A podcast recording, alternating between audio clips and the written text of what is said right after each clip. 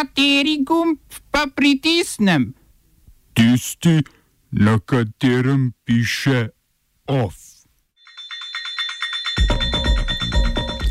Alžirija kriminalizirala objavljanje lažnih novic. Evropska komisija predlaga 3 milijardni paket posojil za 10 držav v soseščini.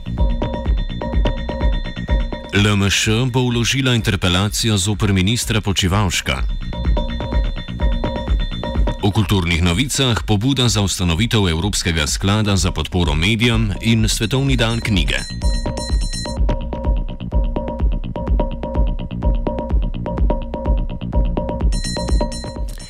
Evropska komisija je pripravila predlog o paketu posojil v vrednosti 3 milijard evrov namenjenih desetim državam v soseščini EU-ja za lajšanje ekonomskih posledic pandemije. Posojila z ugodnimi obrestmi bi bila na voljo eno leto. Po predlogu komisije bi glede na oceno potreb večinski del oziroma 1,2 milijarde paketa pripadal Ukrajini. Manjša posojila pa bi na to pripadla še Tuniziji, Jordaniji, Gruziji, Moldaviji in balkanskim nečlanicam Evropske unije. Sklad teh posojil naj bi bil na voljo tudi drugim nečlanicam. Predlog komisije morata potrditi še Evropski parlament in Svet Evropske unije. V primeru hitre potrditve predloga komisija trdi, da je delna razdelitev teh posojil možna že pred iztekom leta 2020.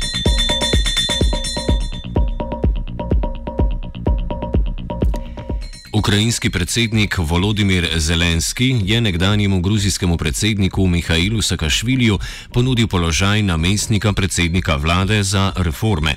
S tem je Zelenski Sakašvilju vrnil uslugo, ko ga je slednji podprl med volilno kampanjo, po kateri je sicer Sakašvilju že vrnil ukrajinsko državljanstvo. To si je lastil dve leti, ko je bil tudi guverner Odese, na to pa mu je bivši predsednik Petro Porošenko oduzel državljanstvo in ga zaradi nestrinjan odstavil z položaja.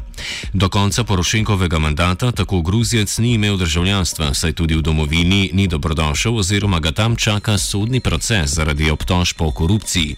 Sakašvili se je na ponudbo za položaj že odzval z odobravanjem.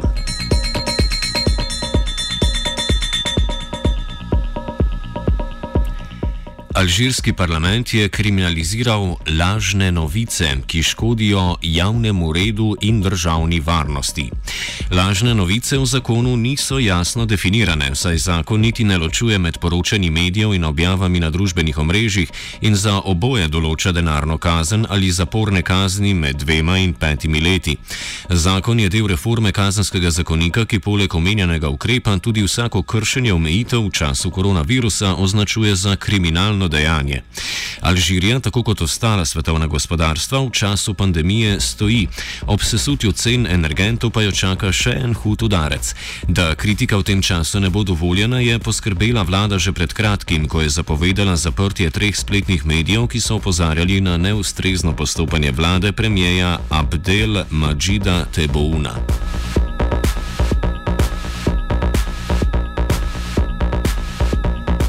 Iran je ponosno potrdil uspešno izstrelitev prve vojaške rakete v vesolje.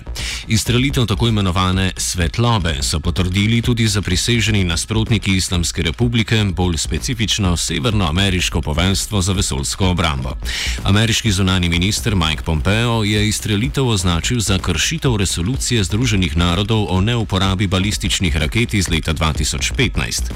Ta resolucija je nastala v podporo mednarodnemu jedrskemu dogovoru o Iranu, tistemu dogovoru, iz katerega so ZDA izstopile pred dvema letoma. Uh, če bom odgovoril na angliški.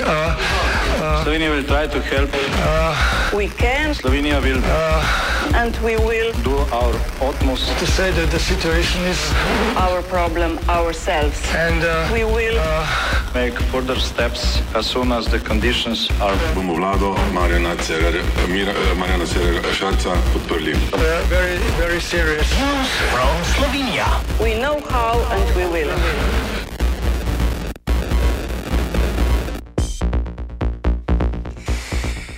Predsednik LMŠ Marjan Šarec je napovedal vložitev interpelacije gospodarskega ministra Zdravka Počivalška. Šarec je kot razlog navedel pismo odstavljenega direktorja Zavoda za blagajne, re, za blagajne rezerve blagovne najbrž, Antona Zakrajška. V pismu Zakrajšek zavrača obtožbe počivalška v spornem delovanju Zavoda za blagajne, bla, blagovne rezerve. Okay. Predvsem očitek, da je on sam izbiral dobavitelje zaščitne opreme. V pismu povdarja, da so vse nakupe opreme odobrili tako uprava za zaščito in reševanje, kot tudi del obrambnega ministrstva in gospodarsko ministrstvo. Počivalšek je napovedal, da bo interpelacijo izkoristil za obravnavo delovanja skozi celotno epidemijo, tudi pod vodstvom prejšnje vlade, katere član je bil. Interpelacijo je podprla tudi stranka Levica.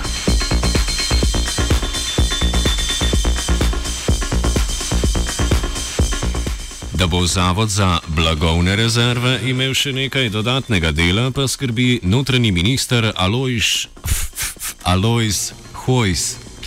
Ta je napovedal dodatne kilometre ograje na južno mejo, pri čemer ni opustil ideje o aktivaciji 37a člena zakona o obrambi, ki so ga s podpisom podprli tudi župani 22 obmejnih občin in županja Semiča Polona Kambič, ki družno opozarjajo na potencijalno zdravstveno nevarnost, ki jo njihovim občanom povzročajo morebitni kužni migranti.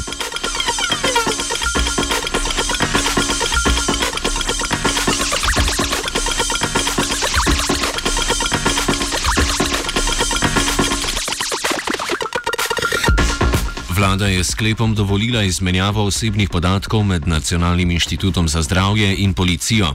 Po sklepu ima sedaj policija pravico dostopati do osebnih podatkov oseb, ki jim je Ministrstvo za zdravje izdalo odločbo o karanteni. Policija lahko od Nacionalnega inštituta pridobi osebno ime, emšo, naslov bivališča in podatke o osebnem zdravniku tega posameznika ter podatke o njemu odrejeni karanteni. Na podlagi teh podatkov lahko policija išče in preprečuje gibanje teh približno 2900 posameznikov.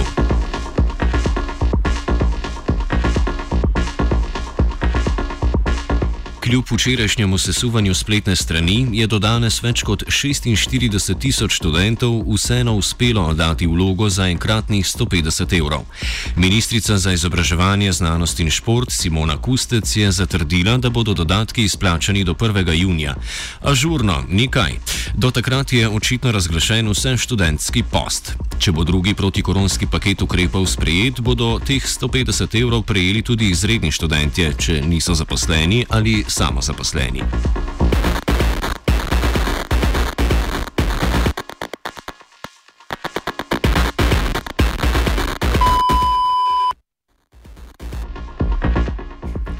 Znanstvena redakcija sporoča: Kustec ljudstvu ni znala povedati, kdaj se bodo ponovno odprle izobraževalne ustanove.